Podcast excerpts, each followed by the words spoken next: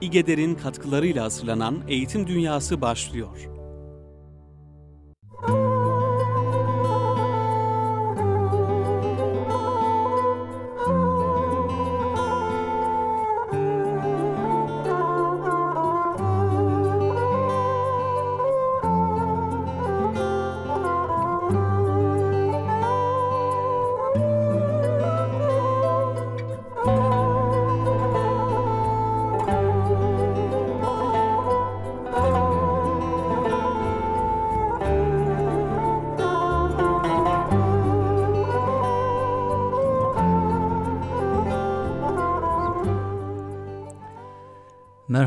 Kıymetli Erkam Radyo dinleyenleri. Bir Eğitim Dünyası programında daha sizlerle beraberiz.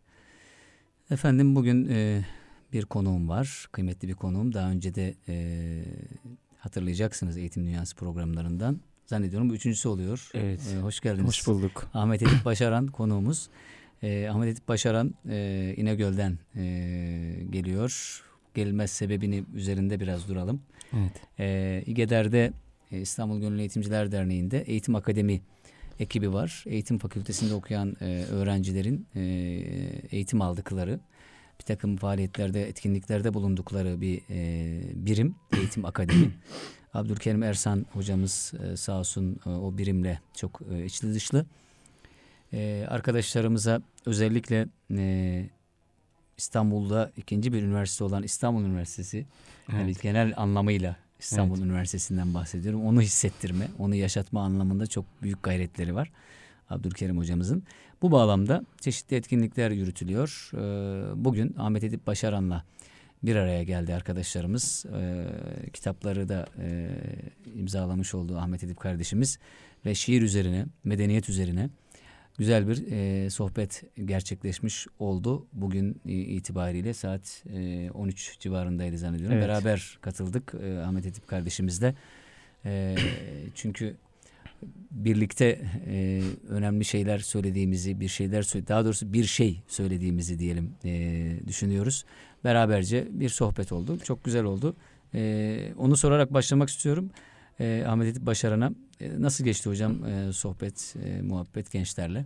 Ee, çok güzel bir programdı. Ee, vesile olanlar e, Allah razı olsun. Çok güzel bir e, programa da vesile oldular. E, genç arkadaşlarla e, sizin az önce bahsettiğiniz e, bir e, medeniyet şehri olarak İstanbul'da okumak e, nasıldır, nasıl bir duygudur? E, özellikle e, bu minvalde e, medeniyet merkezi, e, şahsiyet merkezi ve özellikle meselenin daha çok biraz da eğitime odaklı meseleleri üzerine bir fikir teatisi gerçekleştirdik. İçinde şiir de vardı, edebiyat da vardı, e, güncel meseleler de vardı. Tabii karşınızda Ee, öğretmen olacak. tabii. Öğretmen adayları evet, var. öğretmen adayları Doğal var. konu oraya doğru. Konu oraya doğru tabii doğal olarak e, Evet. geliyor. Biz e, edindiğimiz tecrübeler miktarınca e, bir şeyler söylemeye çalıştık. Özellikle öğretmen olmamaları gerektiği konusunda bazı tavsiyelerde bulunduk.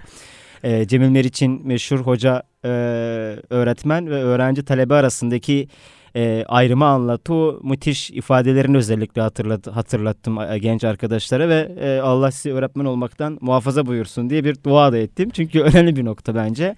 E, o ayrım nedir? o ayrım nedir? Ee, öğretmen ve öğrenci tarihi olmayan bir kelimedir. Musikisiz, tarihsiz bir kelimedir. Cemil Meriç de zaten öyle söyler. Hı hı. Hoca e, Farsça bir kelime, öğreten demektir. E, hoca kelimesi tamam eyvallah Farsça bir kelimedir ama bu topraklarda e, talim ve terbiyenin ruhunu oluşturan kelimelerden birisidir aslında. Eyvallah. Geçmişi, tarihi olan bir kelimedir. Hı hı. Bizim Türkiye'deki modernleşme meselesiyle temel aşmazlarımızdan birisi Hı hı. e, kelimeler üzerinde biliyorsun daha çok odakla e, Eyvallah. yani odaklanıyor. Hı. Hep söylediğimiz şey yani cephede kazandığımız bir savaş, savaşı biz kelimelerde ve kavramlarda kaybetmiş bir milletiz. Öncelikle bu kelimelerde ve kavramlardaki nevziyi terk etmememiz gerekiyor. Bu kelimeleri ihya etmemiz, bu kelimeleri modern çağın getirdiği e, değişim ve dönüşümle beraber yeniden harmanlayarak, yeniden yeni bir ruhla, yeni bir gelenek inşası kaygısıyla bir şekilde dillendirmemiz gerekiyor. E, Cemil Meriç öğrenci e, öğretmen kelimesini bu şekilde değerlendiren tarihsiz bir kelimedir, musikisiz bir kelimedir. Öğrenciye de talebe E, Tabii ki diyor. talebe e, der ve e, talebe e, talep etmekten gelir. Çünkü ilim ancak o ilme talip olanların harcıdır e, der. Bu nokta önemlidir. E, ben de acizane arkadaşlara e, hoca olun ki, hoca olalım ki e, talebeler bulalım karşımızda. Çünkü öğretmen olursak karşımızda e, mütemadiyen öğrenciler çıkacaktır. E, bunu da bu eğitim öğretim e, meselesini de sa- sadece sınıflarda, dersliklerde olup biten bir mesele olarak almamak gerekiyor. Ee, arkadaşlar akademik bir eğitim alıyorlar değişik fakültelerde. Genelde e, sen de biliyorsun e, eğitim e, fakültelerinde okuyor arkadaşlar. Geleceğin öğretmenleri E, ve meselenin sadece o akademik eğitimi alıp e, iyi bir öğretmen adayı olarak yetişmek olmadığını, meselenin aslında topyekun bir e, şahsiyet karakter inşası meselesi olduğu. Çünkü gerçekten bizim mesuliyetimiz çok fazla. E, yönetmeliklerin e, işte sürekli insanın ayağını elini elini kolunu bağladığı bir hengame içerisinde e, bütün e, her şeyin başarı denilen bir puta göre e, belirlendiği bir dönemde e, bizim hakiki anlamı, hakiki ruhu e, idrak edecek eğitimcilere gerçekten ihtiyacımız var ve öğrencilere de e, asla öğrenci olmamaları gerektiğini, e, talebe olmaları gerektiği ve talebe olmanın bir bir değere, bir güzelliğe, bir ilme talip olmanın insanı ulaştırdığı şahsiyet meziyeti, meziyetini özellikle e, gösterecek bir e, derinliğe ulaşmaları gerektiğini e, acizane söylemeye çalıştık. E, çok güzel, bereketli bir e, program oldu. E, tekrar vesile e, olan arkadaşlardan Allah razı olsun. diyorum. Eyvallah. Orada e, altını çizdiğiniz bir mesele vardı e, Edip Hocam.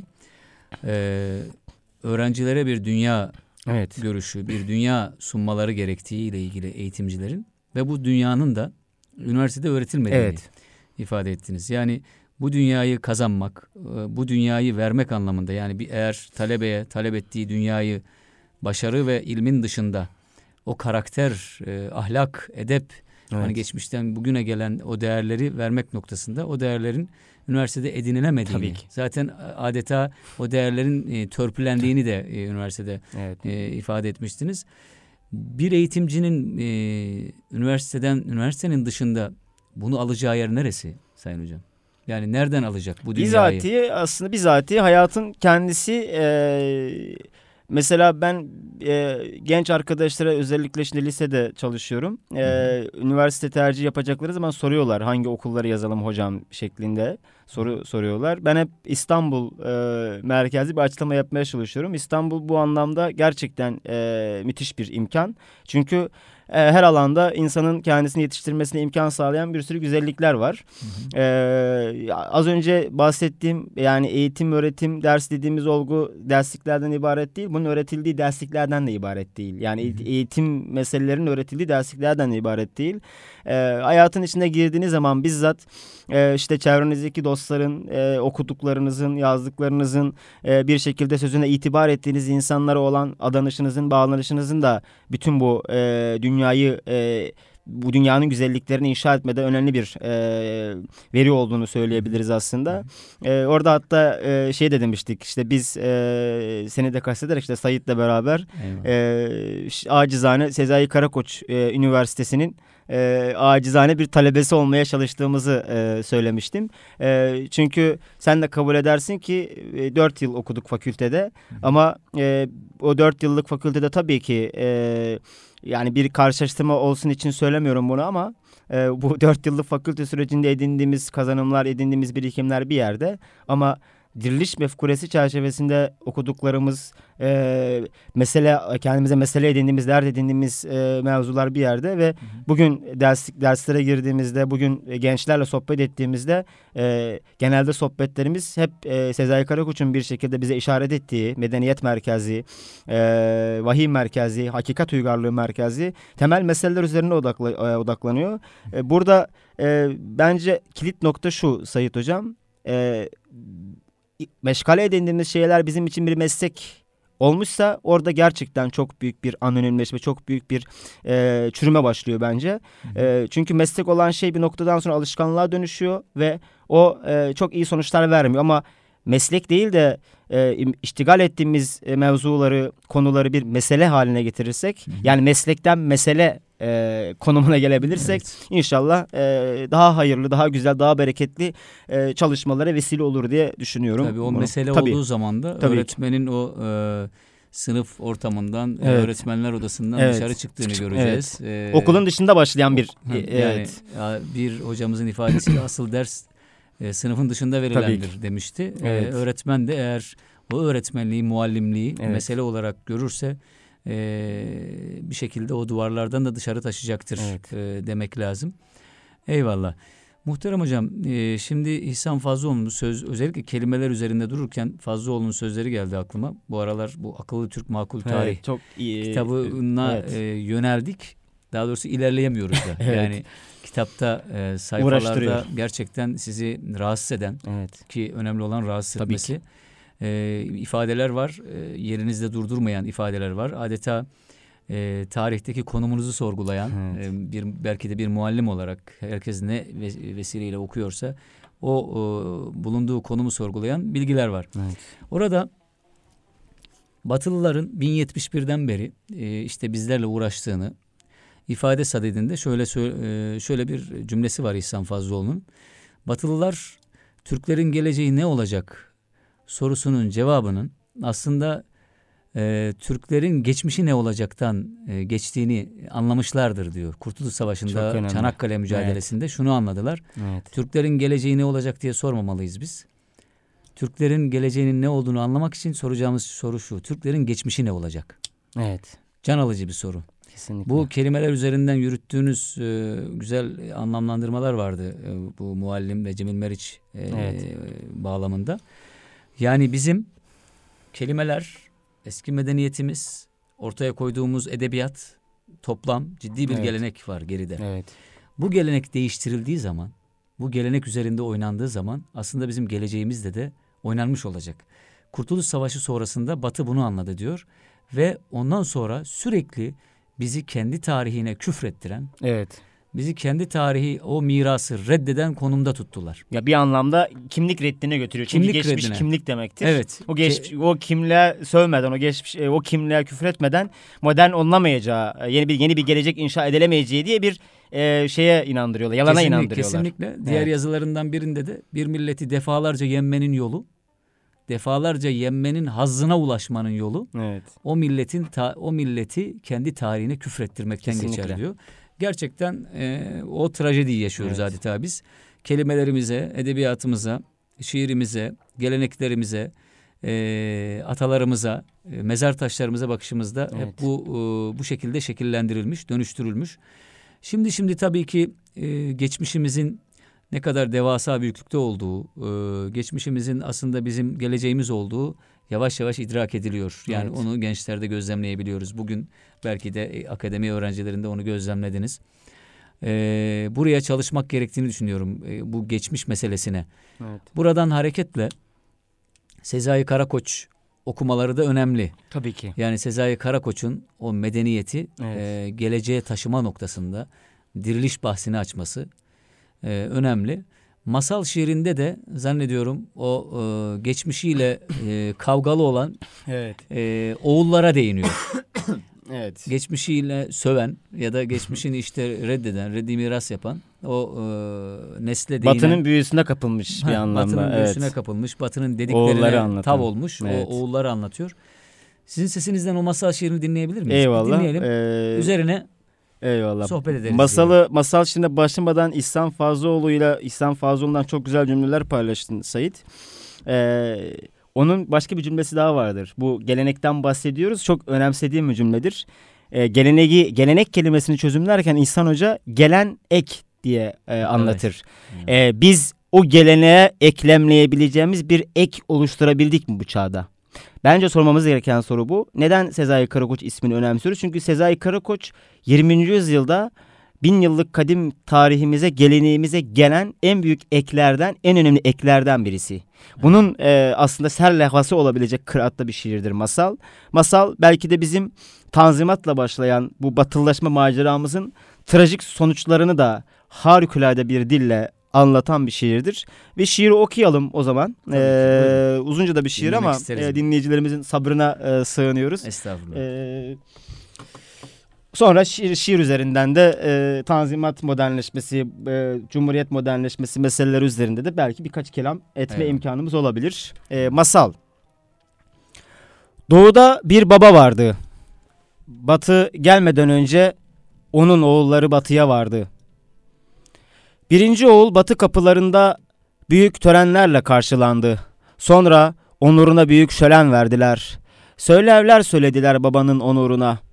Oğul masmavi şafağın rüyasında bir karaltı yavaşça tüy gibi daldı içeri. Öldürdüler onu ve gömdüler kimsenin bilmediği bir yere. Baba bunu an- havanın ansızın kabaran gözyaşından anladı. Öcünü alsın diye kardeşini yolladı. İkinci oğul Batı ülkesinde gezerken bir ırmak kıyısında bir kıza rastladı dağların tazeliğinde. Bal arılarının taşıdığı tozlardan, ayna hamurundan, ay yankısından, samanyolu aydınlığından, inci korkusundan, gül tütününden doğmuş sanki. Anne doğurmamış da gök doğurmuş onu. Saçlarını güneş destelemiş, yıllarca peşinden koştu onun. Kavuşamadı ama ona. Batı bir uçurum gibi girdi aralarına.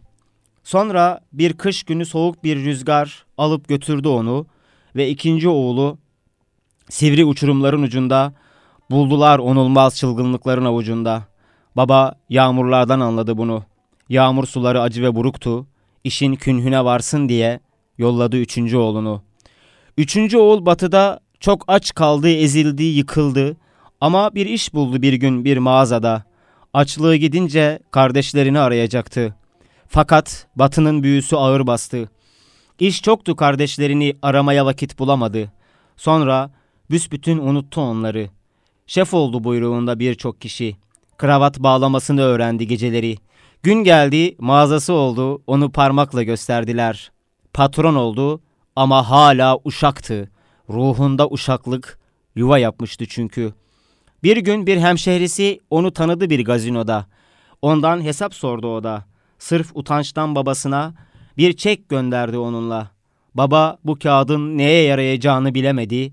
Yırttı ve oynasınlar diye köpek yavrularına attı. Bu yüklü çeki. İyice yaşlanmıştı ama. Vazgeçmedi oğlunu, vazgeçmedi koyduğundan kafasına.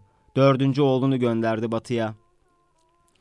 Dördüncü oğul okudu bilgin oldu. Kendi oymak ve ülkesini, kendi görenek ve ülküsünü günü geçmiş bir uygarlığa yordu. Kendisi bulmuştu gerçek uygarlığı. Batı bilginleri bunu kutladı. O da silindi gitti binlercesi gibi.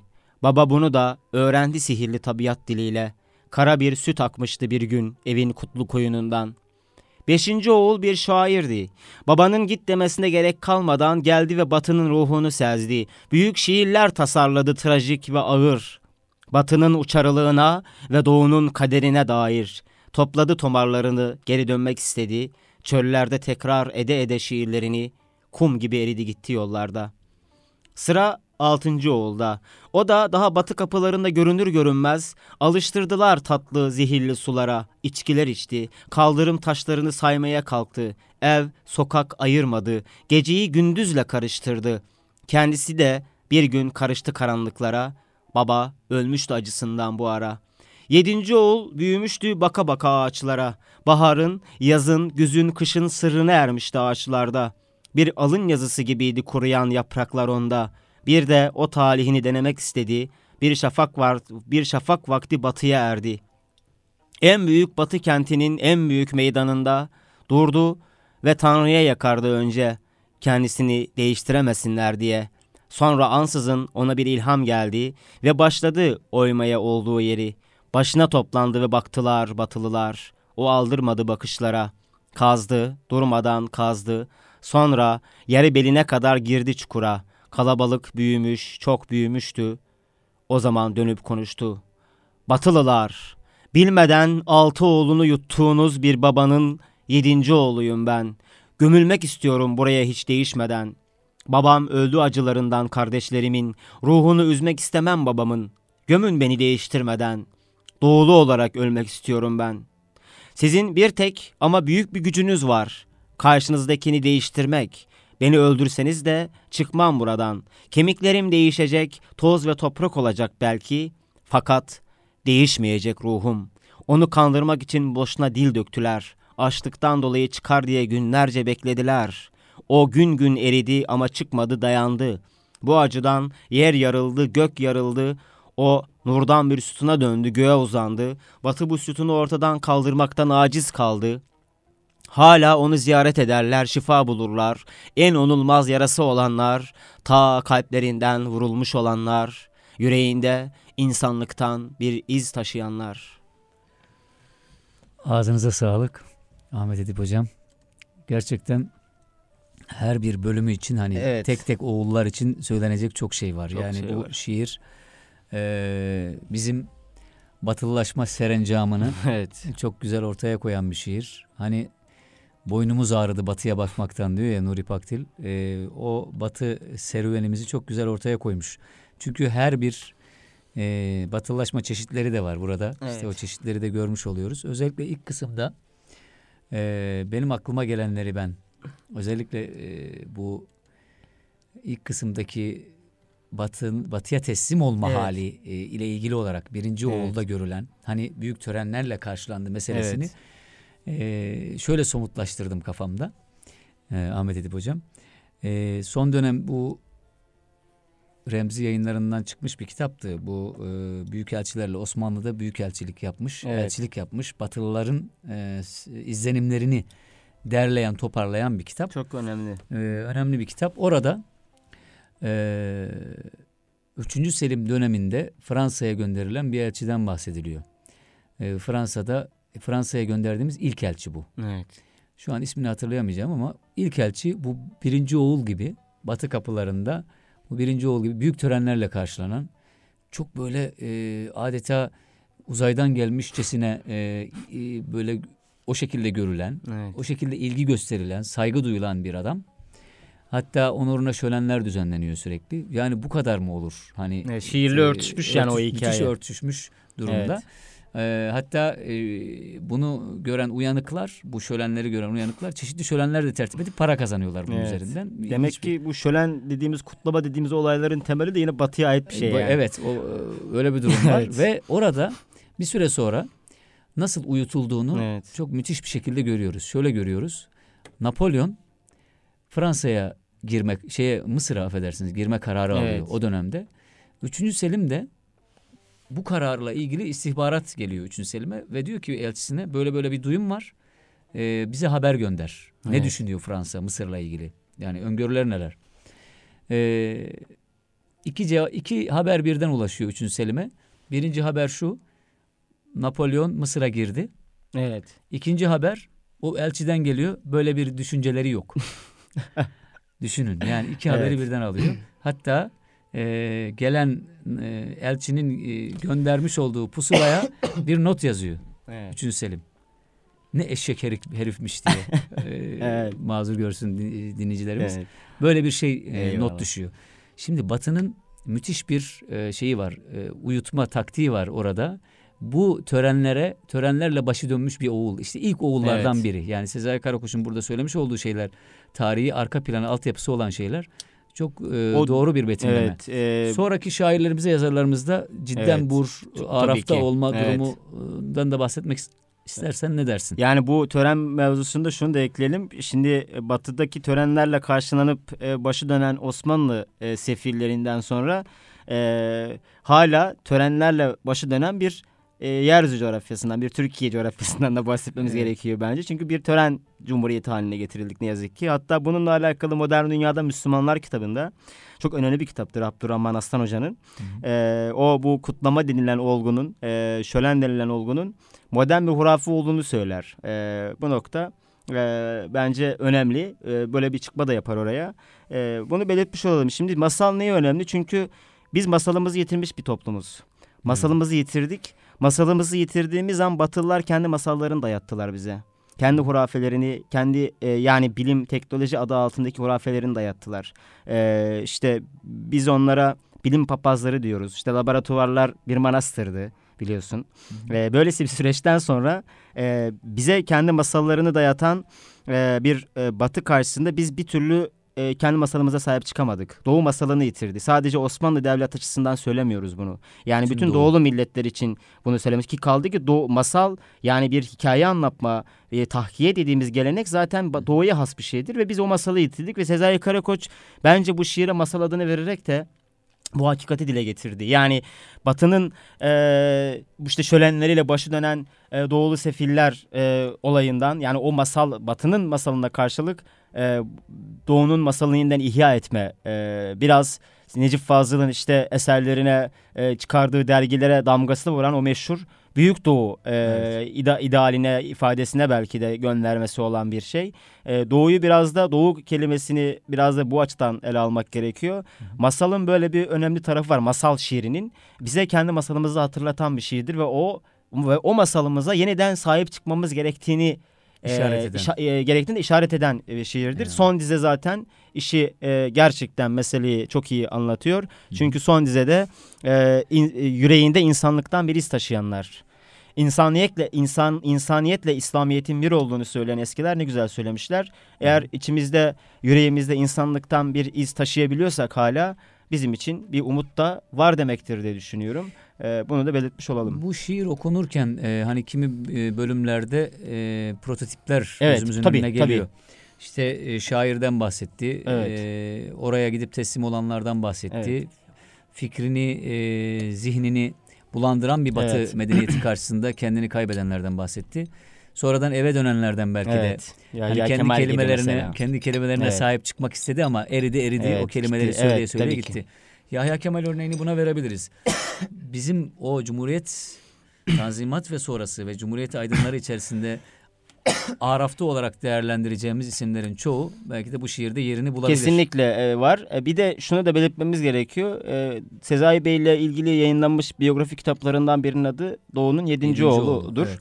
Hı hı. E, Sezai Bey'in e, buna bir şerh düştüğü de söylenir. Yani bu isimden rahatsız olduğu da söylenir. Çünkü Sezai Bey Özellikle onu soracaktım. Ee, Burada onu gördük evet. mü? Yani yedinci oğul dediğimiz Sezai evet. Bey mi? Yani yedinci oğul bence burada e, kendini mi anlatıyor? e, yani bazı kaynaklarda kendini anlattığını söylüyor ama e, belki buradaki ince nokta şu. E, yedinci oğul batıya gidip batının e, merkezinde e, batının en büyük şehrine gitti diyor ya o dizelerde. Hı hı. E, orada e, bir anlamda manifesto diyebileceğimiz bir konuşma yapıyor. Batılılar gelip bilmeden işte altı oğlun yuttuğunuz bir baba- babanın yedinci oğluyum ben. Orada bir eleştiri var. E, acaba Sezai Karakoç ile e, o e, yedinci oğlu özdeşleştirebilir miyiz? E, olabilir de ama Sezai Bey e, buna tenezzül eder miydi? Batıya gidip e, Batılılara e, işte e, böyle bir söylev e, verme e, evet. Buna tenezzül Evet buna eder mi? tenezzül eder miydi? Burası da ayrı bir bahis. Güzel bir Ee, nokta, onu doğru. da belirtmemiz gerekiyor bence. Eyvallah. Batı ile ilgili düşünceler. Gömülmek istiyorum buraya hiç değişmeden. Ee, gömün beni değiştirmeden. Doğulu olarak ölmek Evet. istiyorum ben. Bunları okurken Batı notları hiç e, zihninde belirdi mi acaba? Nuri Pakdil'in Kesinlikle. e, Batı notları ile Evet. ilgili e, şiiri örtüştürdüğümüzde neler söylersin? Aslında Batı notları masal şiirinde anlatılanların bir seyahat yazısı içerisinde e, daha farklı bir açıdan e, yorumlanışı diye düşünüyorum ben. Hmm. Neden? Çünkü e, 1972 senesinde gidiyor Pakdil e, Paris'e. Paris'e 6 aylık bir seminer çalışması nedeniyle gidiyor. Ee, burada dikkat çeken nokta şu. Ee, yani biz az önce tanzimat modernleşmesinden bahsettik. Yani tanzimat modernleşmesi dediğimiz, batılaşması dediğimiz olgudan bahsettik. Ee, bir tane, ya daha doğrusu iki e, şairden örnek vereceğim. Bir karşılaştırma olması açısından bence Aha. önemli e, dinleyicilerimiz açısından. E, ve oradan e, batı notlarına e, e, getireceğim e, olayı. Şimdi Ziya Paşa'nın meşhur bir beyti var. Ee, biliyorsun Sayit Hocam. Hı hı. Diyarı küfrü gezdim, beldeler kaşhaneler gördüm. Evet. Dolaştım mülkü İslam'ı bütün viraneler gördüm. Evet. Şimdi bu bir zihniyeti anlatan yani bu dizeler sadece bir dizi olmaktan çıkarak artık topyekün Osmanlı Tanzimat dönemindeki Osmanlı aydının zihniyetini yansıtan e, o batı büyüsüne kapılmış aydınlarımızın topografyasını çıkaran bir e, Dize. be- dizelerdir aslında. Evet. İşin daha trajik tarafı şudur. 1860 yıllardan bahsediyoruz. Yani e, bu amcalar batıya gidiyorlar. Çünkü batı yükselen değer. Batı müthiş bir e, şey, büyü. E, ve Paris'i, Paris tabii onların e, bir anlamda her şey olmuş. Paris'e gitmeyeni şairden, sanatçıdan saymıyorlar. E, her şeyleri e, Batı Paris. Şimdi orada e, Paris'i dolaştıklarında hayatlarında hiç şehir görmemiş gibi, hayatlarında hiç cadde sokak görmemiş gibi anlatıyorlar Paris'i. Evet. İşin en acı tarafı şu. Ziya Paşa e, ve e, Ziya Paşa bu beyitleri ya bu beyti bu dizeleri yazdığı zaman o sıralarda e, ve o dizelerdeki zihniyeti bir şekilde taşıyan Osmanlı aydınları revaçtayken aynı tarihlerde bir Fransız şair Lamartine meşhur bilirsin hı hı. ki tanzimatçıların da çok sevdiği sanatçılardan birisidir ki zaten Fransız şiiri bizim Türk şiirinin beslenme kaynağıdır 1860'lı 70'li yıllardan sonra. Evet. E, Lamartine İstanbul seyahatnamesine çıkıyor. Yani İstanbul'a gidiyor Hı ve hı. o seyahatname notlarını yazıyor İstanbul'la alakalı ve çok ilginç bir cümle ku- kullanıyor bu seyahatnamesinde. Hemen hemen aşağı yukarı aynı tarihlerde bu. Hı hı. Diyor ki Türkler e, İstanbul'u anlatırken söylüyor bunu. Türkler bu şehrin görülebilir bütün yükseltilerine camiler inşa ederek bu şehri bize ait olmaktan çıkarmışlar. Eyvallah. Ee, şimdi iki şair, bir Türk şairinin Paris anlatışı, bir Fransız şairin İstanbul anlatışı. Aslında aradaki değerlendirmeyi de Evet. e, evet. dinleyicilerimizin takdirine bırakalım bence. Burada aslında bir zihniyetin iflasını da görüyoruz. Yani Kesinlikle. e, Fransız bir şair gelip senin İstanbul'unu senden daha iyi anlatırken yani adamların kafasında hala acaba diye bir soru var. Yani İstanbul hala e, bir şekilde e, bir soru işareti olarak duruyor. Çünkü fetihten 400 sene geçmiş ve acaba hala geri alabilir miyiz düşüncesi var ve Lamartine artık bu şehrin kimliğinin değiştiğinden bahsediyor. Bir şehrin kimliğinden bahsediyor. Bir şehrin kimliğinden bahseden bir Fransız şairden söz ediyoruz. Öteki tarafta ise bırakın bir şehrin kimliğini kendi O kimliği kimliği o, o, umursamayı o ya da- kimliği umursamayı kendi kimliğinin bile e, taşıdığı kimliğin o aidiyet duygusunun farkında olmayan bir e, aydın olayından bahsediyoruz. Bu nokta oldukça önemli diye düşünüyorum. E, batı notları niye önemli? Hemen oraya gelelim. E, batı notları şu iç, şunun için önemli. Nuri Pakdil uçakta daha uçakta giderken Paris'e giderken e, Yunus'tan Hacı Bayram Veli'den dizeler okuyarak gittiğini söyler. Yani çok silahlıdır. Silah, Evet. silahla, silahlanarak, silahlanarak gitmiştir yani ve Hmm. e, Paris'i anlatırken kilisenin etrafındaki gezen köpeklerle Su- e, Valide Sultan'daki veya Sultanahmet'teki güvercinleri mukayese eder. Bir karşılaştırma kitabıdır aslında. Her defasında o karşılaştırmayı, o inceliği, nezaketi görürsünüz ve e, orada bir kompleks falan yoktur. Orada bilakis kendi medeniyet değerlerine, kendi e, maneviyatına, e, kendi köklerine, kendi aidiyet duygusuna sapasağlam, sımsıkı sarılmış, bağlanmış ve oradan aldığı güçle Batı'nın şehrinde e, Batı'ya dersini veren bir e, işte sanatçıdan bahsediyoruz. O yüzden e, Batı notları hatta Hikmet e, Özdemir'di sanırım. Zamanında Turgut Özal'ın danışmanlığını yapmış bir isimdir de kendisi. Onun bir yerde bir e, cümlesini okumuştum Batı notlarıyla alakalı şey diyordu. Bence çok önemli. E, şimdiki e, işte hükümetteki e, kişilerin de bence bunu dikkate alması gerekiyor. E, bence demişti Hikmet Özdemir. Bunu 1980'li yıllarda söylüyor. Dikkatinizi çekeyim. Hı hı. E, bence demişti e, Türkiye'nin Türkiye'de yani diğer ülkelere gönderilen büyükelçilerin hepsinde Batı notları kitabı ders olarak okutulmalı. Hmm, Eyvallah. Bu çok önemli bir şey çünkü. Evet. Kınalızade'nin eserini mutlaka okuyun demişti geçen başbakan bu elçilere. Zannediyorum elçilerin ikinci kitabı da belli Evet, oldu. Batı not- Batı notları Nuri oldu. Pakdil. O Evet. zaman Doğu'nun 8. oğlu diyebilir miyiz Nuri Pakdil'e? Şu anlamda. evet. Şu anlamda diyorum. Çünkü 7. oğul gitti. Oraya e, bir ferman ferman etti diyelim. Evet. Ve o kendileri kendisini değiştiremeyeceklerini söylüyor Evet. ama orada kaldı bir şekilde. Evet orada bir Ama kaldı. 8. oğul e, adeta e, onlara meydan okuduğu gibi dönerek kendi Evet. evine dönerek Evet. e, oranın yani Roma'nın Evet. e, sadece put kuyusundan Tabii, oluştuğunu müthiş. Son cümlesi eden müthiştir zaten, bir- put kuyusu bir, der. e, cümle serdetti ve kendi özüne tekrar dönmüş oldu Burada ve bunu da Batı notlarıyla e, ifade etti. Geçmişle alakalı e, az önceki gelenek bahsinde anlattık.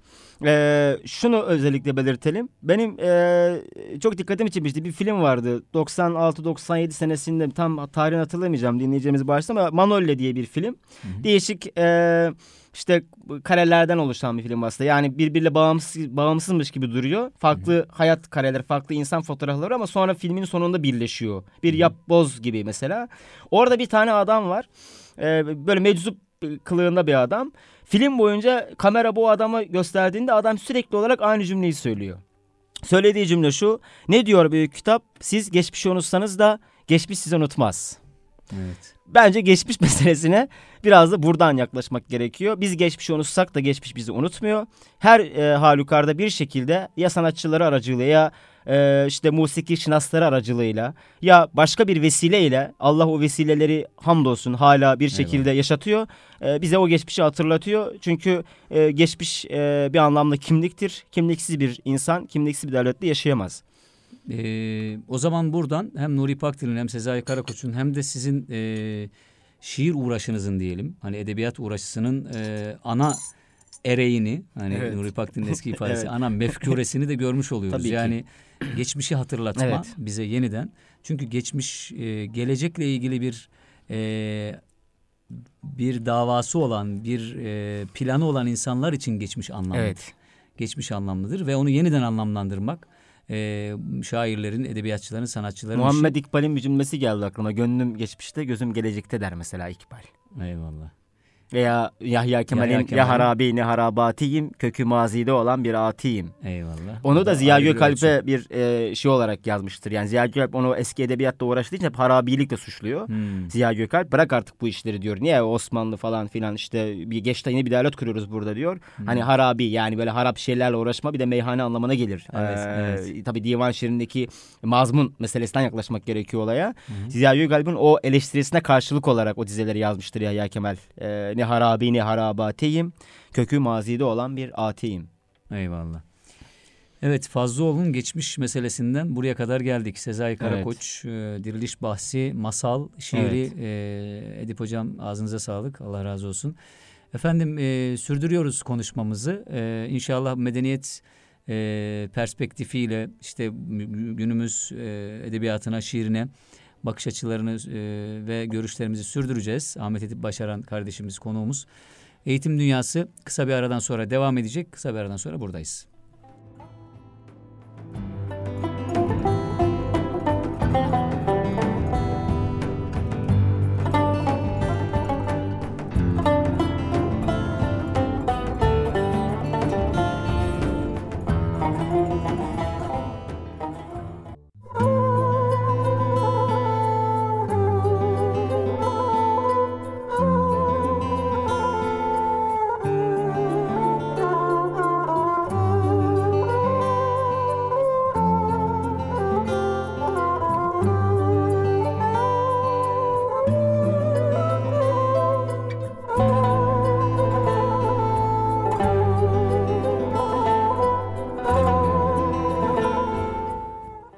Efendim programımıza devam ediyoruz. Ahmet Edip Başaran konuğumuz eğitim dünyasında. Birinci bölümde masal şiiriyle Sezai Karakoç'un şiirinden ilhamla medeniyet üzerine durduk. Medeniyete dair diriliş, e, Sezai Karakoç'un diriliş fikri ve Türk aydınının batılılaşma serüveni üzerinde durmuş olduk. Belki de hepimizin e, o, o batılılaşma hastalığı üzerine değiniler var şiirde. Kıymetli dinleyenler, e, şimdi Edip Başaran'la bazı isimler üzerinde durarak gidelim. E, Ahmet Edip kardeşimizle. Kısa kısa da olabilir e, muhterem hocam. Şöyle gidelim istiyorum. Evet. E, mesela Lütfi Aslan hocamla ilgili neler söyleriz? Şimdi bunu sorarken şöyle düşünerek soruyorum. Bir geçmiş geçmişin olduğunu bilerek e, Evet. soruyorum. E, Ahmet Edip Başaran e, Hüdayi çorbası içmiş de bir arkadaşımız. E, belki bazı isimlerle ilgili anekdotlar olacaktır. Lütfi Evet. Aslan için ne dersin? Sayın? Ee, Lütfü abiyle e, İyi biliriz. evet, e, Lütfü abi iyi biliriz. E, muhabbet ehli bir abimizdir. E, şöyle Hüdayi'de e, işte Fikirtepe'de kalıyorduk o zamanlar. Evet. E, sabahları e, sohbete gelirdi bize. E, tabii 18-19 yaşlarında Anadolu'dan, Taşra'dan üniversite eğitimi için İstanbul'a gelmiş bir delikanlıyız. E, işaretleri e, işaretleri yitirmememiz gereken bir ülkede ve bir şehirde yaşıyoruz. Evet. Ee, orada okumalar olurdu ve o okumalarda biz e, Lütfü abiyle e, Gazali okumaları yapardık. Ee, çok güzel okumalardı. Kimya okumaları, kimya-i saadet okumaları. E, ve e, çok müthiş bir e, ilgi oluştu bende Gazali Hazretlerine karşı. O okumalar biraz da vesile oldu. Şimdi e, hamdolsun Gazali okumalarına bir şekilde devam etmeye çalışıyoruz. Ee, işte ve hep Lütfü abinin o diğergamlığını, o e, yönlendiriciliğini hep hatırlıyorum. Salt sadece tabii Gazali okumalı değil, kitap okuma mevzusuyla alakalı ve bize o e, o heyecanı aşılamış e, bir abimizdi. Ben az önce eğitim mevzularını konuşurken dersin dışında, dersliklerin dışında başlayan bir eğitim e, yönteminden bahsetmiştim. Hı hı. Bu anlamda e, Lütfü benim unutamadığım hocalarımdan birisidir. Yani Eyvallah. Lütfü yani ayrı ayrı bir der, ayrı bir eğitim, ayrı bir e, işte ne bileyim talim terbiye diyebileceğim bir şey. E, sonrasında işte Gazali'yi okurken Gazali okumalarına devam ederken işte Nur Metafiziği, Mişkatül Envar, e, Mükaşefetül Kulüp, Gaz- e, İhya, e, Kimya okumaları. E, bunu e, hayırla yad ederim. Dergi Eyvallah. çalışmalarında mesela özellikle bizi çok e, desteklerdi. E, Edebiyat tabii Edebiyat. Dergisi çalışmalarında işte Sezai Karakoç, İsmet Özel, Rasim Özören gibi isimleri özellikle hı. e, işte önemsememiz gerektiğini söylerdi. Hı. E, hamdolsun e, bu anlamda Lütfü abinin hakkını e, ödeyemem. E, Eyvallah. Allah kendisinden razı olsun. Buradan da selam e, ve hürmetlerimi gönderiyorum kendisine. Eyvallah. Peki e, birlikte okumalar yaptığını biliyoruz. E, Sezai Karakoç e, okumaları yapıyorsunuz gençlerle. Evet. Liseli gençler değil mi? Evet, liseli. Bu e, birlikte okuma bir, bir ayrı bir iş yani. Ayrı mi? bir kültür aslında, olması evet, lazım. evet. Bir belli bir plan dahilinde Evet. yürümesi lazım. Evet. E, hani gençlerin okuduklarını güzel bir şekilde ifade etmeleri, Evet. bir, bir takım sentezlere ulaşmaları, oradan yeni şeyler çıkarmaları. Bunu e, yapmak da ayrı bir iş. E, nasıl yürüyor o işler? Şimdi, Bu, e, mutlaka eski okumaları hatırlıyorsunuz. Eyvallah eski okumaları hatırlıyor. O da bizim için bir e, önayak oldu. Ona e, bir ilham kaynağı oldu aslında. E, 11. sınıf genelde benim genç bizim gençler e, işte Sezai Karakoç İnegöl'de. okumalarına başladık. İnegöl'de e, kent konseyi bünyesinde yapıyoruz. Sağ olsun onlar bir imkan sundular bize. E, Hı hı. bu okumaların yapılabileceği güzel bir e, mekan. E, biz orada Kasım ayında başladık e, Sezai Karakoç okumalarına. Yitik Cennet kitabıyla başladık. Neden Yitik Cennet? Genelde Sezai Karakoç okumalarında kıyamet aşısı, makamda diriliş neslinin amentüsü gibi gençlerin daha rahatlıkla anlayabileceği Hmm. e, kıraatta kitaplar daha çok tercih edilir. Ben zor bir kitapla başladım aslında. Evet. Ee, ama evet. Şunu söyledim gençlere özellikle. Ee, özellikle e, kitap okuma grubunun ayrı bir e, kültür olduğunu, beraber kitap okumanın ayrı bir kültür olduğunu, bunu özellikle bu vesileyle, bu vesileler aracılığıyla işte öğrenebileceğimizi falan e, söyledik ve e, İtik Cennet bir anlamda e, dünya tarihidir. Peygamberler tarihi, Evet. modern bir kısası Enbiya'dır. Evet. E, ve ciltler dolusu kısası Enbiya okumuşuzdur. Hepimiz biliriz kısası Enbiyaları. Eski deyimle kısası Enbiya, peygamberler tarihi.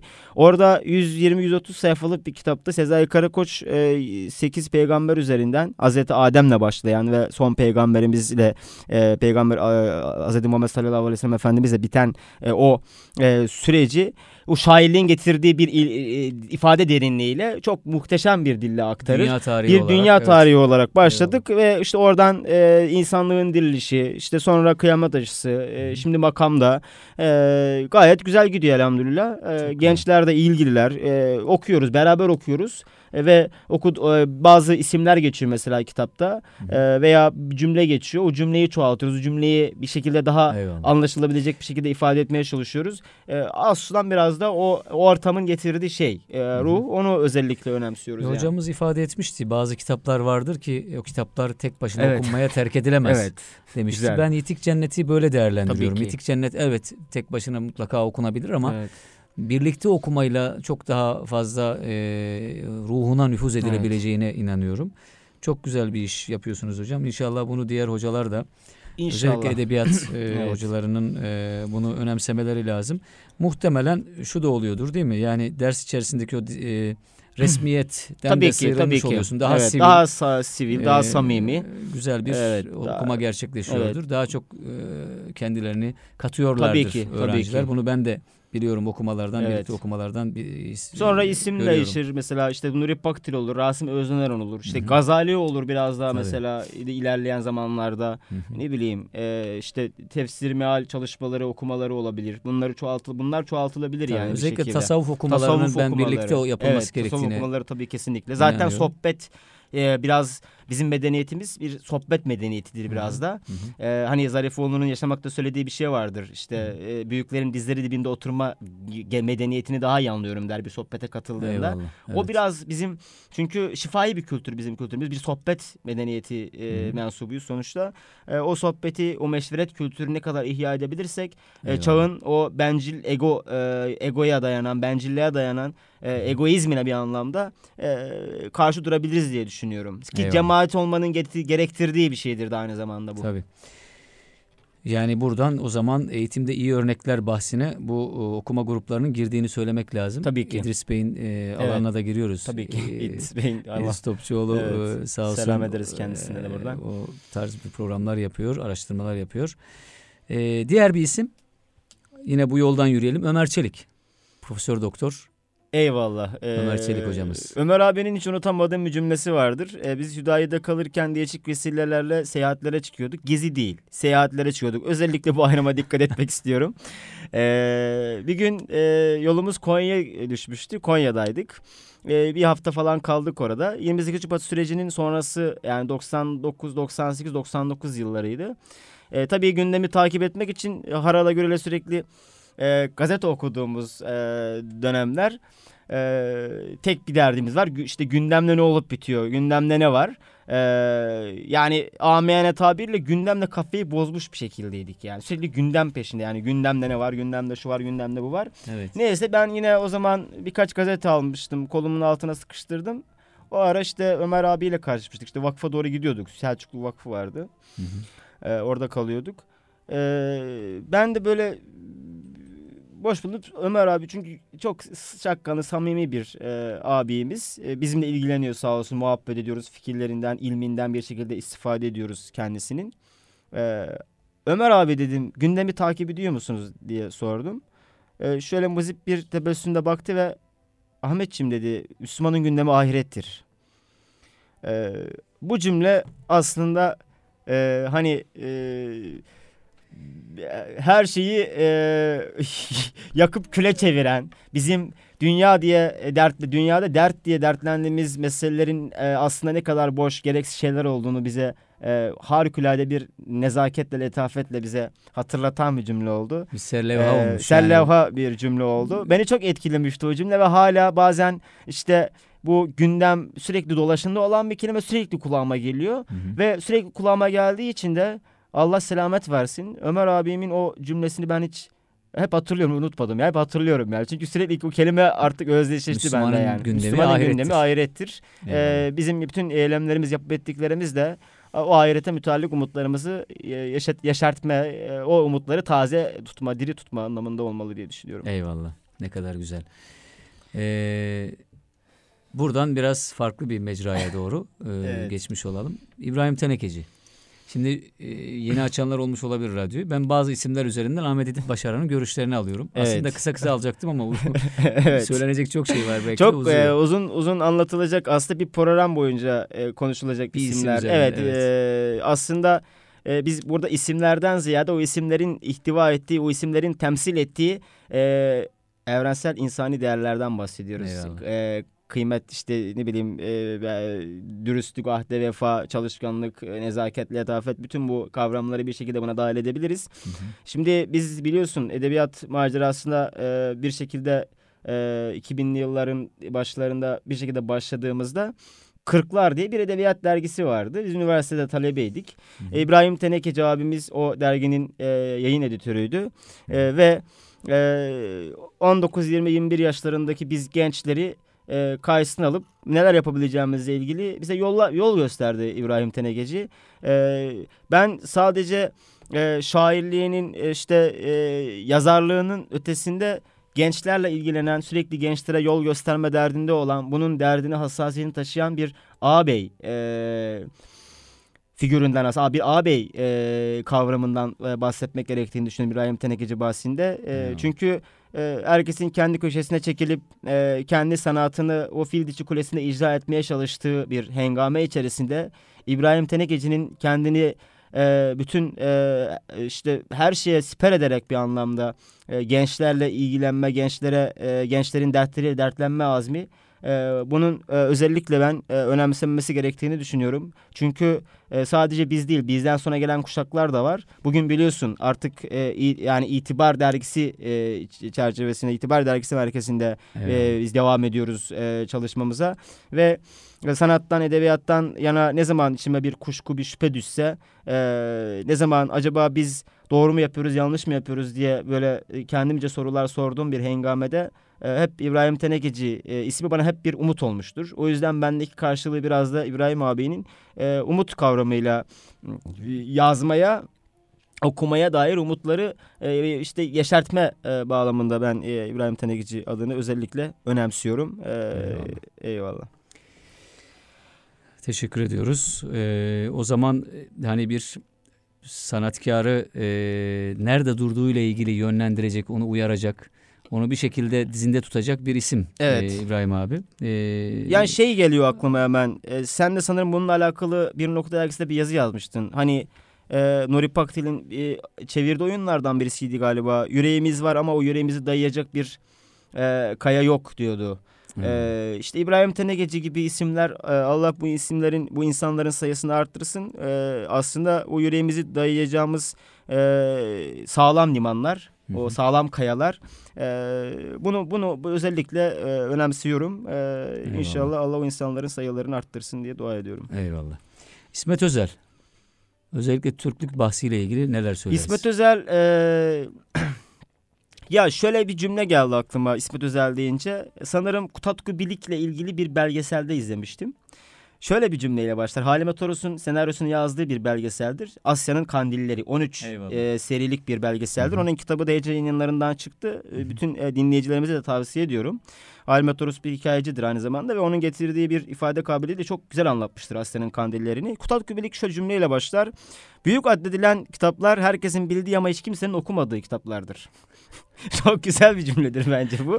Şimdi İsmet Özel, Sezai Karakoç, Nuri Pakdil, işte Nazım Hikmet, Cemil Meriç, Oğuz Atay yani bu Kemal Tahir bunları çoğaltabilirsiniz. Sebahattin Ali yani bana bu isimler dolaşımda ol bu isimler söylendiği zaman aklıma şey gelir. Yani bu büyük addedilen is- isimler de herkesin bir şekilde adını sanını bildiği e, ama çoğumuzun anlamadığı isimler oluyor. Yani İsmet Özel'in Türklük bahsi e, hali hazırdaki milliyetçi terminoloji ile anlaşılabilecek bir Türkçülük değil.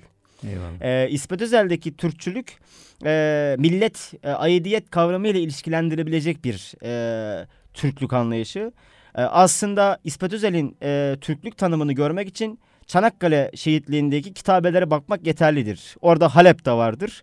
E, işte Kudüs'te Şam'da vardır. vardır, Kudüs'te vardır, Eyvallah. Diyarbakır'da vardır, Tekirdağ'da vardır, Kütahya'da vardır. Memleketim Kütahya o yüzden Kütahya'da özellikle almış olayım. Eyvallah. Ee, aslında Türklük e, orada yani kafirle çatışmayı göze alan e, insana e, her, her Müslüman Türktür diyor. E, Eyvallah. biz kafirle çatışmayı göze alabiliyor muyuz? Özellikle son dönemde hani o e, Türk müsün, gavur musun dermiş Çabuk ya söyle, eskiler. evet. Yani Türk müsün, ya Türklük Müslümanlıkla kaim bir şey. Evet. O e, Müslümanlık mefhumundan e, soyutlamaya çalışanlar, onu ayrıca Evet. değerlendirmeye çalışanlara karşı bir duruş Tabii ki. da gözlemliyoruz Evet. bu aç- açıklamalarda. Bana bu Onu şeyi hatırlatıyor. Salt böyle bir faşizmle Değil. değerlendirmek Tabii o değil. haksızlık Ee, olur. aslında bağlamı farklı ama aslında şeyi aynı. Amacı aynı. Bu Kur'an hani bize Kur'an yeter diyen hadisleri reddeden insanların düştüğü açmazsa Evet. bu terminoloji milliyetçi terminolojiyle Türklüğü anlamaya çalışan insanlar aslında aynı sefaletin aynı düşünsel açmazın konağında konaklayan insanlardır. Evet. Çünkü çok fazla bir fark yok orada yani. Eyvallah. Çünkü hadis hadis olmadan e, hadisleri reddederek bir Kur'an İslam anlayışı olmaz. Böyle Kesinlikle. böyle bir şey söz konusu olamaz. Eyvallah. E, hali hazırdaki milliyetçi terminolojiyle o milliyetçi e, algıyla e, o Türklüğü anlamak da gerçekten e, gayri kabil. Yani mümkün değil diye düşünüyorum. E, Sağlam bir okuma yapan insan Sağ- da bunu evet. görecektir. Evet. Evet, e, son isim. E, son isim diyorum çünkü e, şiirlerle bitireceğiz Evet. programı. E, hemen kısa bir şekilde. Gerçi e, ilk bölümde değinmiştik, bir iki yerde değindik. Fethi Gemuhluoğlu. Evet. Ee, Fethi Gemühlüoğlu m, bir aşk, e, bir gönül adamı e, öncelikle. E, çok farklı siyasi düşüncedeki, farklı fraksiyonlardaki insanları bir arada tutabilmiş e, Türkiye'deki ender adamlardan birisi bence. Eyvallah. E, biz biliyorsun e, Fethi Bey'i bağlanma ile tanıdık. Hı hı. Çünkü çağın en büyük e, dertlerinden birisi e, insanları amaçsız hedefsiz bırakması, arayışsız, adanışsız bırakması. Bağlanış e, gerekli elzem. Bu bağlanma aynı zamanda tasavvufi bir aslında e, derinliği de ihtiva eden bir e, kelimedir, kavramdır. İşte e, Gassal elindeki meyyit gibidir Hı hı. diyor İmam Rabbani Hazretleri. Hı hı. Ve bu zarafetin bu derinlik noktasının neresindeyiz? Belki bunu sormak gerekiyor. Fethi Gemühlüoğlu e, bahsinde özellikle e, neden hep aşk kelimesi geliyor aklımıza? Çünkü tanıştığı insanlara sorduğu ilk soru e, sen hiç aşık oldun mu sorusudur. E, ve gönül dölüyor insanları diyen bir insandır. E, yani bu derinliği işte e, bu e, burs almak için gelen Türk Petrol Vakfı'nın başındayken burs almak için gelen gençlere sen hangi gazeteyi okudun, sen hangi cemaattensin, sen hangi siyasi partiye mensupsun gibi şahsiyet zedeleyici sorular sormaktansa sen hiç aşık oldun mu, namaz kılar mısın gibi e, inanılmaz bir güzelliği, derinliği taşıyan sorular sorabilmiş bir isimdir. Bu nokta özellikle önemli. Ben hep e, o bağlanmada bir cümle vardır. Bugün Ortadoğu nasıl diye sorardı diyor Paktil. Sanki Eyvallah. sıra hani bir bir Ahmet'ten bir Mehmet'ten bahseder. Bir Ahmet nasıl der gibi soru, soruyordu diyor. Biz bugün e, Fethi Gemihloğlu ismini niye önemsiyoruz? Çünkü bugün e, bugün Ortadoğu nasıl diye soran Fethi Gemihloğlu e, gibi gönül er, e, erenlerinden, e, hal ehli insanlardan e, ne yazık ki bugün dolar nasıl? Bugün altının e, or, oranları nedir gibi soran gibi garip sorular soran e, muhafazakarlar devrine erdik. Muhafazakarlar duyuruyorum tırnak içerisinde. Bu kavramın da aslında kendi içinde bir evet. e, çözümlemesinin yapılması gerekiyor. E, yani e, Necip Fazıl'ın sanırım siz güneşi e, as, cebinizin as, e, aslarında kaybetmiş marka Müslümanlarısınız der ya. E, aslında biz e, kendimizi kendimizde kaybettik. E, ve en büyük sıkıntımız da kendimizi başka yerde arıyoruz. Eyvallah. Biz yine kendimizi kendimize bulacağız. İşte Fethi Gemühlüoğlu, Sezai Karakoç, İbrahim Tenekeci, e, Lütfü Aslan, az önce işte konuştuğumuz Ömer, Ömer, Çel Ömer abi, Ömer Çelik. E, bu isimleri konuşmak, bu isimleri çoğaltmak gerekiyor. Biz bu isimleri bu isimler çoğalsın diye e, söylüyoruz, söylüyoruz konuşuyoruz. Eyvallah. Bunu özellikle belirtmemiz gerekiyor. Eyvallah. Çok güzel e, ifade ettin e, Ahmet Edip hocam. Allah razı olsun. Son olarak e, ben Raf Ömrü şiirini okuyacağım hocam size ait olan itibarda yayınlanan. E, daha sonra yine e, itibarda yayınlanmış olan diğer şiiri de size okutmak isterim. Yani sizden duymak isterim açıkçası. Eyvallah. Yani öyle karşılıklı şiirleşelim diye. Ee, inşallah böyle bir şey düşündüm son e, eğitim dünyasının finalinde. Raf Ömrü itibarda yayınlanan bir şiirdi e, Ahmet Edip Başaran kardeşimize ait. Onu sizlerle paylaşmak istiyorum. Bu şiire noktasız bir besmele ile başlıyorum. Sonsuz iyi, sonsuz güzel, sonsuz yalnız. Ruhlara işlenmiş bir aşk varmış ezelde. Aşk yoksa raflara inen insan etleri, aşk yoksa mürekkeplere zehir, varılacak bir sevgili yoksa kepenklere indirip kapatabiliriz dünyayı.'' Burada sabah hepimiz için bir şiir. İnsandan insana bulaşırken yalnızlık, raf ömrü çabuk geçer, otlar sararır. Dünya kabuk bağlar bütün yaralarda. Bir susayışı dudakta unutup kalırım ben orada. Aşk ve bir gözde boğulan ırmaklar, bir gözde bir göze açılan iç odalar. Uzun, upuzun süren bekleyiş lugatleri. Sahibi değilim bu dükkanın Allah'ım, Sahibi değilim Nuh Nebi'den kalma bu yalnızlığın. Bir gemim yok, bir pusulam, bir pirim. Hani nerede beni de bir ahuya zebun eden felek? Ben en çok şu göğü kıskandım ne olur affet. Doyamadım oradan bakmaya ne kendime ne Leyla'ya. Leyla dedimse göğün gelişi Leyla, katlanmış bir kağıt gibi duruyor iç zarfımda Leyla.'' İnsan durmadan kanıyor bir kelime. Deri ile kemik arasında, yerle gök arasında bir kelime. Belki de Adem'in son bakışı cennete. İnsan insanın miracı, insan insanın besmelesi. Eyvallah. Eyvallah. Raf ömrü az önce ifade edilen o isimleri çoğaltma üzerine de güzel gitti. Çünkü insan insanın kurdudur diyenlerin aksine insan insanın miracı, insan insanın besmelesi bu önemli bir bakış açısı. İnsan insanın yurdudur bu isimleri, bu hayırları çoğaltmak, bu iyiliği çoğaltmak bu şiirin e, temel vazifesi. E, Allah e, bu ibadeti sizden kabul buyursun. İnşallah. Ahmet Edip Başaran İnşallah. Hocam. Ee, itibarın son sayısındaki Connection şiirini okuyalım biz de o zaman. Biri Sait Yavuz şiiri. Connection. Gerçekçi bir şiir yazmak istiyorum. Gerçek bir şiir. Yazdıklarım Mahşer kaçkınlarına bir tünel kazmasın. Postalların bağcıklarını bozsun yeter. Rütbelere tedirginlik versin. Yakasındaki yıldız her an kayacakmış hissi bir askere. Bir isyan şiiri olmasın benimki. Pat pat bu kadar ayak devrimde. Garazsız olsun. Adını bilmeyenin kendisini koklamasına izin veren çiçekler gibi. Bugün hava kapalının şiiri olsun yazdığım son mısra ile. Okuyana güzel havalar, türlü şakaların şiiri. Kalbine küsenlerin şiirini yazmak isterim. Bugün okul yokun, hocaların gelmediği derslerin, kar yağarken inen meleklerin ezberleyeceği şiirler. Birdenbire şarkıya dönüşen mısralar istedim Tanrı'dan. Sözler unutulsun, sade bir ses kalsın yazdıklarımdan. Şiirim bir mucizenin değil, ona olan inancın şarkısı olsun. Çocukların elleriyle ceplerinde ısıttıkları o saf imanın. Baktım iyilik hep denizlerde. O denizlerin şiiri olsun benimkiler. Unutkan balıkların, karaya vuran yunusların şiiri. Burayı da uyanıkken yazmışsın dedikleri bir şeyim olmasın. Baş dönmesinin şiiri olsun benimki. Kesilen nefeslerin şiiri. Sakatlığın, sakarlığın, düşen çatalın, tutturulamayan düğmenin, çay içinde durmak bilmeyen o mevlevi kaşığın. Bilirim ki yürürken başlayan sözler kağıtta koşacaktır. Neye yarar o şiir gözde gözyaşıyla birikmemişse, sözleri yarıda kesmeyecekse sözlerimiz neye yarar? Suyun Musa'yı tanıması gibi bizi tanımayacaksa yazdığımız şiir. Fakir sofrasına oturmayan şiiri terk et. Hiç ölmeyecekmiş gibi şiir yaz. Yarın ölecekmiş gibi bırak şiiri. Çünkü ölüm sözü bir güzel geçelim içindir. İstihareye yatıp heyecandan uyuyamayanların şiiri benimkisi. Allah'a inanmayan kızlara teheccüde dua eden erkeklerin. Kutsaldan kaçarken ona yakalanan şiir ne iyi.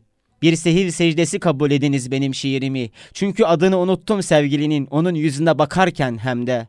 Çünkü adını unuttum sevgilinin onun yüzüne bakarken hem de. Unutma secdelerinde hatırlanan gökler, o bütün heybeti dağların, susmanın şiiri de yazılacaktır. O büyük şiiri görünce. Bilinir ki son mısra saklıdır Hızır'da. Tutulan nutkum toprak gibi üzerime örtülür. Eyvallah Sayit Hocam. Gerçekten çok Ağzınıza sağlık. Teşekkür bir ediyoruz. Ayrı bir anlam kattı bu sesiniz ve Eyvallah. okuyuşunuz. Ee, Allah razı olsun. Ee, kıymetli dinleyenler Eğitim Dünyası burada sona eriyor. Ee, Ahmet Etip kardeşimize çok da çok teşekkür ediyoruz Eyvallah, tekrar. ben teşekkür ediyorum. Yine e, her zamanki gibi her zaman bekleriz sizleri. İnşallah, inşallah. Eğitim Dünyası sizlere açık. eyvallah çok verimli, inşallah. e, çok doyurucu bir sohbet oldu. Allah gönlünüze sağlıklar Amin, versin, kalemize inşallah. güç versin diyelim. Cümlemizin inşallah. E, efendim bugünlük bu kadar. Haftaya görüşmek dileğiyle. Allah'a emanet olun. Allah'a emanet olun.